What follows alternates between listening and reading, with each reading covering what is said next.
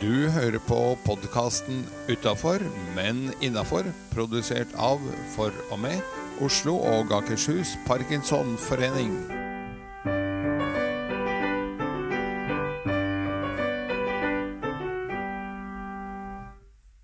Hei og velkommen til en ny episode av Utafor, men innafor.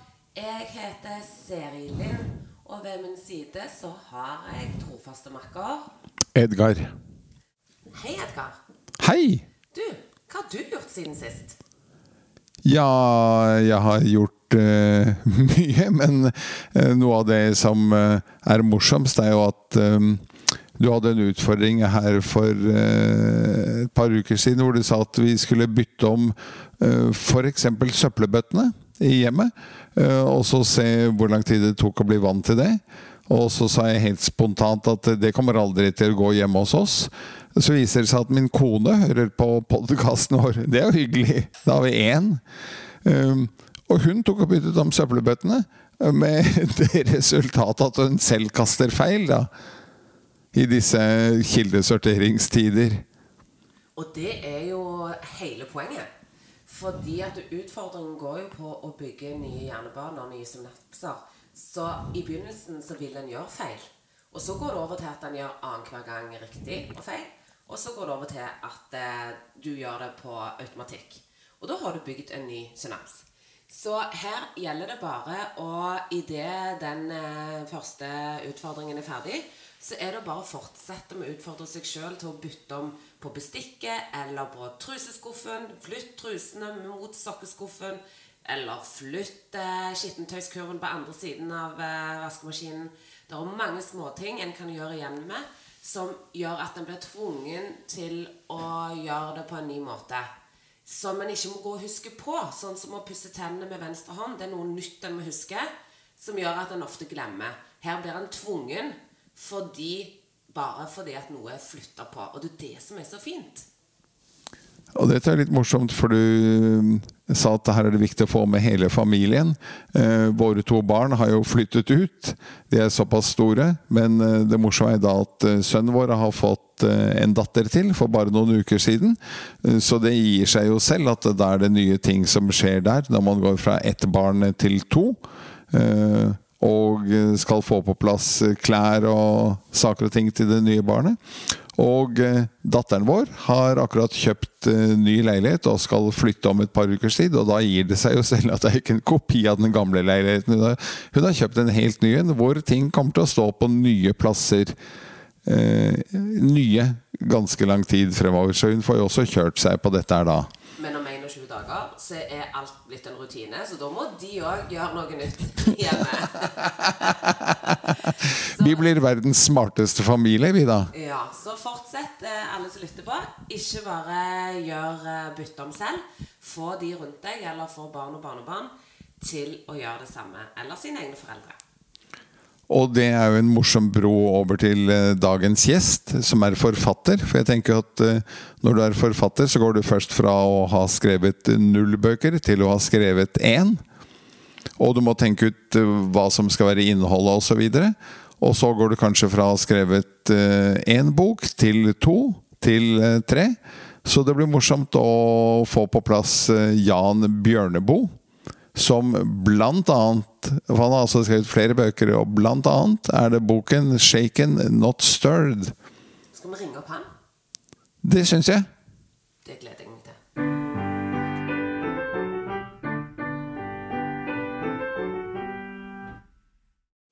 Da har vi fått kontakt med ukens gjest. Som vi sa før brekket, så er det forfatteren eh, Jan Bjørneboe som har skrevet eh, flere bøker. Eh, Den mest kjente er kanskje den som heter 'Shaken Not Stirred'. Velkommen om bord, Jan. Riktig god formiddag til deg. Tusen takk, og det samme til deg også. Velkommen, velkommen. Takk, takk. Du er jo som vi sa forfatter. Hvordan begynte det? Rent bortsett fra at du er eh, nevøen til den mer kjente Ja, det var fetter til min far. Og det var fetteren til din far, ja. Jeg skal ikke skryte på meg så mye fra han, for han var, han var jo veldig flink. Men det var jo faktisk kanskje parkinson som var den utløsende faktoren til at jeg begynte å skrive så mye. Ja, fortell litt om det. Når fikk du diagnosen, og, og hva gjorde det? Jeg har jo skrevet hele livet i, i jobbsammenheng, da. Eh, Men det var mer så tekster, altså salg, marked, kultur, strategier og slike ting. Men så begynte jeg på slutten av 50-årene begynte jeg å riste og begynte å få noen symptomer som ikke jeg skjønte hva var. og så fikk jeg vel diagnosen ca. for seks år siden, altså rundt omkring 60 år, og nå jeg, blir jeg 67 i år. Og da mm, tenkte jeg som så, dette her var jo ikke noe særlig hyggelig, men jeg bestemte meg for at du må gjøre noe, fighte tilbake, som jeg sier, altså fight back. Og så hadde jeg med meg en designer og en fotograf, og så bestemte vi oss for å gi ut en bok om Parkinson. og Sånn ble den første Parkinson-boken til. Eh, rett og slett fordi jeg hadde fått Parkinson. Men det er jo ikke en bok om meg, men det er en bok om Parkinson. Og så tok det ene det andre, og så kom Hjerneboken. Det, som vi skrev også, som ble en omfattende bok om hjerne og hjernesykdom. Og så kom den tredje boken min, som er en roman om en enslig person. Og nå kommer jeg med den fjerde boken, som er en ny roman. Og så har det vært en diktsamling og en liten barnebok, noen små hefter. Så det er vel det jeg har gjort på det skriftlige planet. Produktivt, eh, vil jeg kalle det. Unnskyld? Produktivt, vil jeg kalle det. Ja, det, det, det har vært veldig gøy å holde på med. Det vil jeg si. Og det har gitt meg mye. Jeg håper det gir andre noen også. Ja, for seks bøker på seks år syns jeg hørtes bra produktivt ut. Ja, Nå er ikke barneboken og diktboken så veldig stor, men det er klart det skal gjøres og skrives. Og så har jeg holdt veldig mye foredrag rundt omkring om parkinson eh, i det hele land. Og møtt masse parkinsonister og pårørende og andre interessenter. Og det, det har også vært veldig givende. Hva er det, Når du møter mange med parkinson, hva er, det, er det noe som slår deg? Er det noen likheter, eller er det forskjeller? Eh, hva har det vært eh, som har vært fint med å møte så mange med parkinson i samme, som har samme diagnose som deg sjøl? Det som slår meg, er at veldig mange vet veldig lite om egen sykdom. Ja. Og at mange ikke kommer helt ut av skapet. Det slår meg, og det bekymrer meg, fordi eh, det første rådet jeg gir, aksepter at du har fått din sykdom, og glem hvorfor. Se framover, og hva gjør jeg nå? Det er helt avgjørende. At du aksepterer det, og ikke syns det er skamfullt. Det syns jeg var et uh, veldig godt råd. Jeg har jo selv vært uh, i den løypa det siste halvannet uh, året og sånt, og har valgt å være veldig åpen om dette og får mye positive tilbakemeldinger nettopp på det. Ja, og jeg holder mye foredrag om kultur, ledelse, parkinson, hjernen, ensomhet. Og selv om jeg holder foredrag i helt ikke-relaterte Parkinson-fora, så opplyser vi at Parkinson, forteller litt om hvordan det er, og folk flest syns dette er interessant.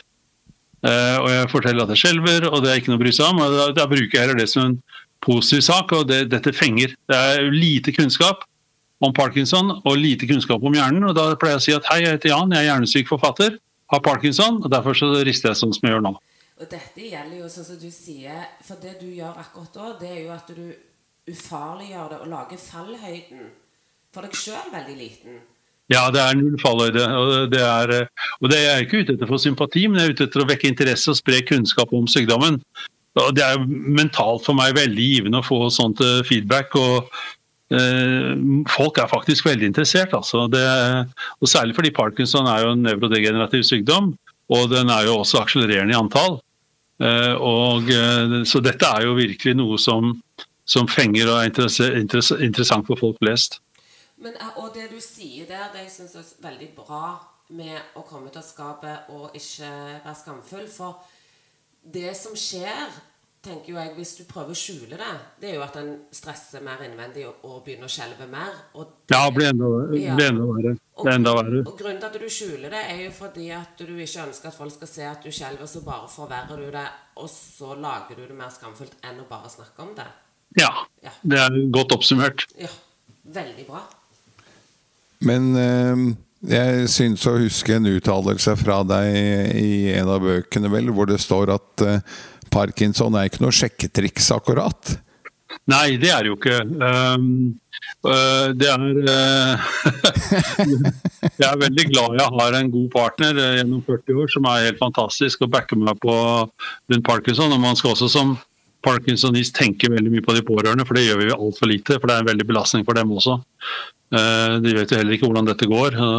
Så, men, men, det jeg er opptatt av, er at når man er åpen og forteller om ting, så har man satt premissene. og jeg tror nok at det er veldig viktig at jeg lever etter dette slemt-konseptet mitt, da, som jeg tror er veldig viktig, som jeg også beskrev i boken min, hvor det er dette med sosiale relasjoner er veldig stimuli på hjernen. og Veldig mange blir sittende altfor mye alene og, og, og deltar altfor lite i sosiale lag.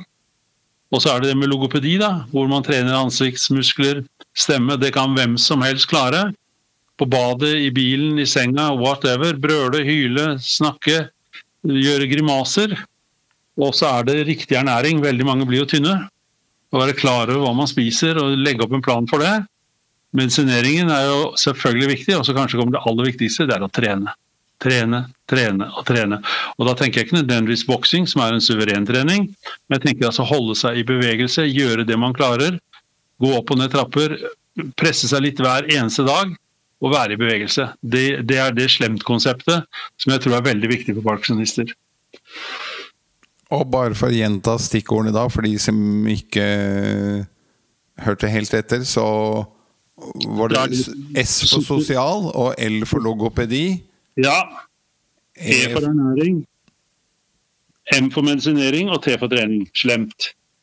Det syns jeg var en fantastisk uh, huskeregel. Jeg opplever at vi er dårlige på sånne ting i Norge. Amerikanere spesielt er gode på å lage denne type uh, som kalles akronymer. Hvor man altså setter sammen forbokstaven i et par-tre viktige poeng. Og så får man noe som uh, en knagg man kan henge det hele på? Jeg jobbet jo i en gigantisk internasjonal stor verdensomspennende bedrift. Uh, og blant bl.a. hadde han glede av Carl Glad som mentor en periode. og Han sa alltid at har du et prosjekt i han, finn et fengende navn. Det er mye lettere å komme videre med det. og Det har jeg prøvd å leve etter. Det syns jeg slemt var ganske ålreit, selv, selv, om det blir snilt. Men slemt er greit nok. Det husker alle. Jeg tenker, Du hadde skrevet en bok om Den ensomme mann. Var det en roman? Ja, det er en roman. Ja.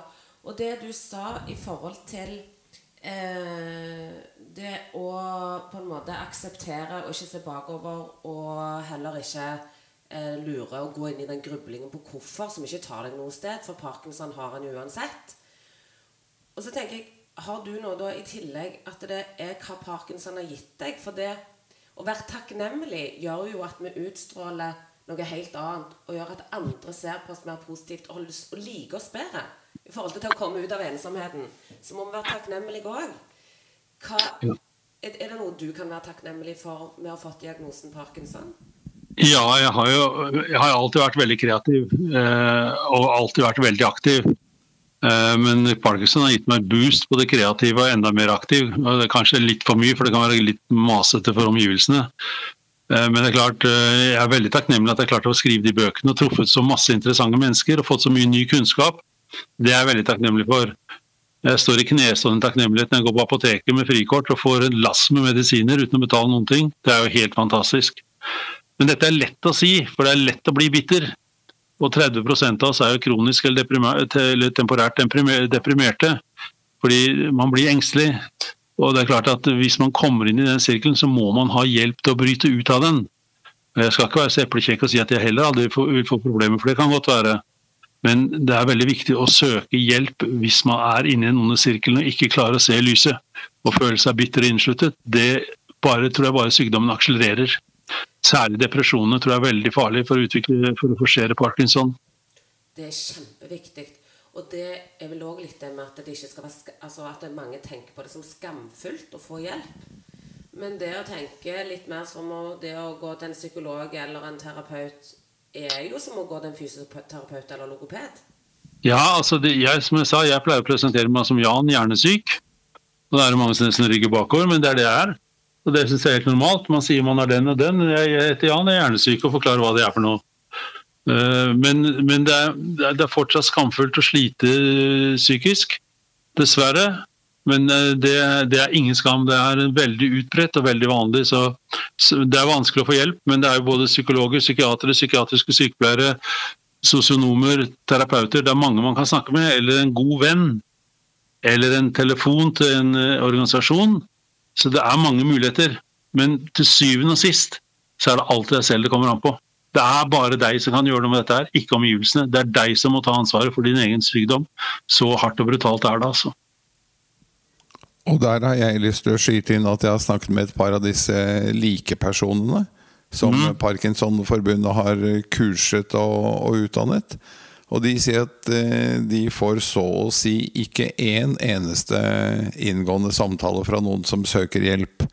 Så da kan jo du og jeg minne folk på at uh, disse finnes. Det er å gå inn på parkinson.no og um, finne likepersoner, om du velger i ditt eget geografiske distrikt eller helt uh, utafor. Tror jeg ikke er så viktig. Det er viktigere å finne en likeperson å, å snakke med. Og som du sier, snakke med noen fremfor å sitte hjemme og bli ytterligere deprimert og ytterligere deprimert og skru seg nedover i spiralen. Ja, det er helt riktig. og det, Jeg tenkte tilbake på når jeg fikk diagnosen, den dagen jeg fikk diagnosen. Det, da brukte jeg 60 minutter for å komme meg ut av det. Det var en tung, tunge 60 minutter. Men jeg reflekterte litt etterpå. Hva, er, hva skal man gjøre når man får diagnosen? Og Da tenkte jeg så, det, da fant jeg ti punkter som jeg tror er veldig viktige. Og jeg vet at Dette kan virke sånn belærende opp med pekefingeren, men enhver får omsette det til sin egen, egen erfaring. Men det viktige er å komme seg inn i et forbund. Parkinsonforbundet er viktig. Ikke nok med at vi har mange, da får vi mer penger til forskning osv., men det er mye kunnskap. Og så tror jeg at man må finne en nevrolog man stoler på. Og eh, Medisinering er jo selvfølgelig viktig. Å vite hvorfor tar jeg disse medisinene, ikke de medisinene. Det er grav og spør. Og så må man ha en god fastlege som er navet i all behandling og søk kunnskap. Les om på sykdommen, men finn sider som ikke skremmer vann av deg. og Derfor er jo Parkinsonforbundets sider veldig fine. Og så har jeg et sånt stikkord som heter 'grav, men ikke grav deg ned'.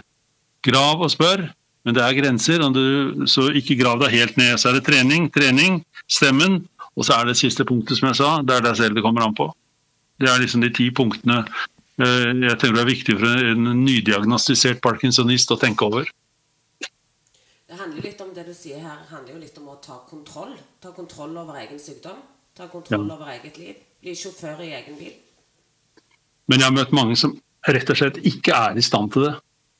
Uh, og jeg har møtt mange som veldig stille ikke sier noe, blir borte. Og da håper jeg at det er litt andre som kan hjelpe dem litt videre for å komme ut av det, og komme litt mer på det riktige sporet. Det tror jeg er veldig viktig. Veldig bra. Da har vi eh, faktisk bare to spørsmål igjen. Det er to ja. gjengangere vi har uansett hvem vi snakker med, høy eller lav, kreativ eller ikke så. Eh, det ene er at eh, vi fremhever musikk som ja. viktig for parkinsonister. Og ja. jeg lager en ukentlig spilleliste på Spotify. Ja. Lett tilknytning til ukens gjest. Stort sett er det jeg selv som finner de 20 sangene jeg legger ut. Men vi har begynt å, å la ukens gjest få tips om én eh, sang. Gjerne noe man kan synge og danse til, med store, flotte bevegelser. Ja, det er jo to ting eh, to, Jeg må nevne to, da. Eh, jeg hadde et seminar på Rikshospitalet med 200 mennesker i salen. og det er Neil Diamond hadde parkinson. Han har sunget, spilt inn 'Sweet Caroline'. Den er jo en ganske fengende låt. Men signaturlåten min på jobben overalt og foredrag, det er 'Start Me Up' med Rolling Stones. det er kjempebra. Start Me Up er jo, den er jo rå. Når Mick Jagger drar i gang der, så er det bare å komme seg av gårde.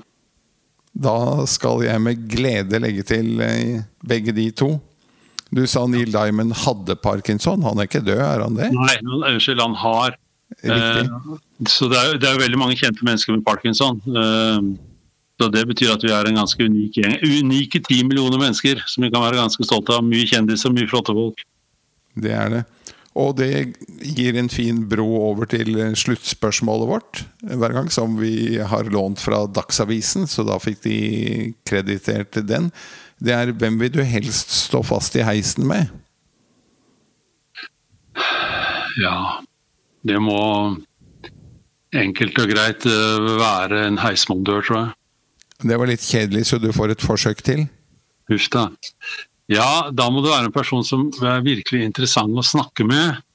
Eh, som vi kunne lære mye av. Eh, en dyktig forfatter. eller som jeg kunne virkelig grave og spørre hvordan han har klart å gjøre seg bra. Jo Nesbø er jo fantastisk, han skriver jo utrolig bra. Eh, det måtte vært interessant å snakke med han, det vil jeg si. Nå skal ikke jeg skrive noe krim, altså, men det er spennende nok å ha parkinson. ja, men da sier vi tusen takk for at uh, du var med oss uh, denne uken, Jan. Ha det riktig godt, og så sees vi rundt neste sving og på neste møte i Parkinsonforbundets regi. Tusen takk for at jeg fikk lov til å bidra. Tusen takk.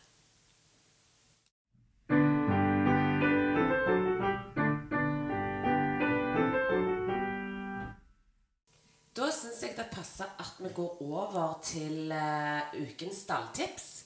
Fordi at det er jo en av de tingene gjesten vår i dag uh, ønskte at uh, vi og lyttere skal ha fokus på, og det er det med stemme.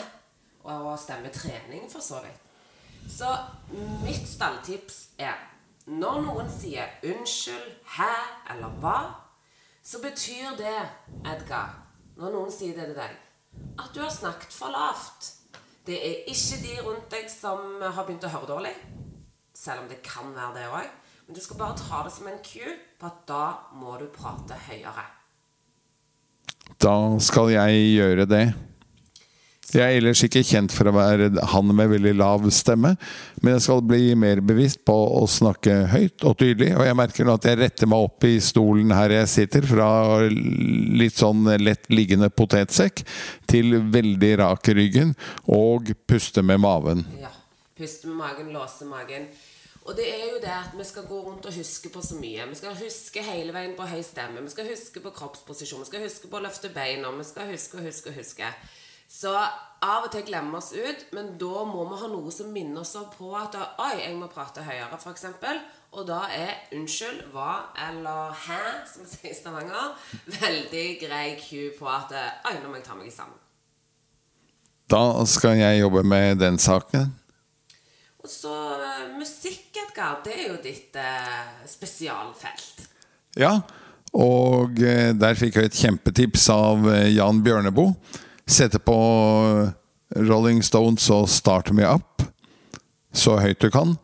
Og litt i forlengelsen av den så har jeg lyst til å anbefale en annen en. Fortsatt én Rolling Stone. Det er Mick Jagger som synger duett med David Bowie.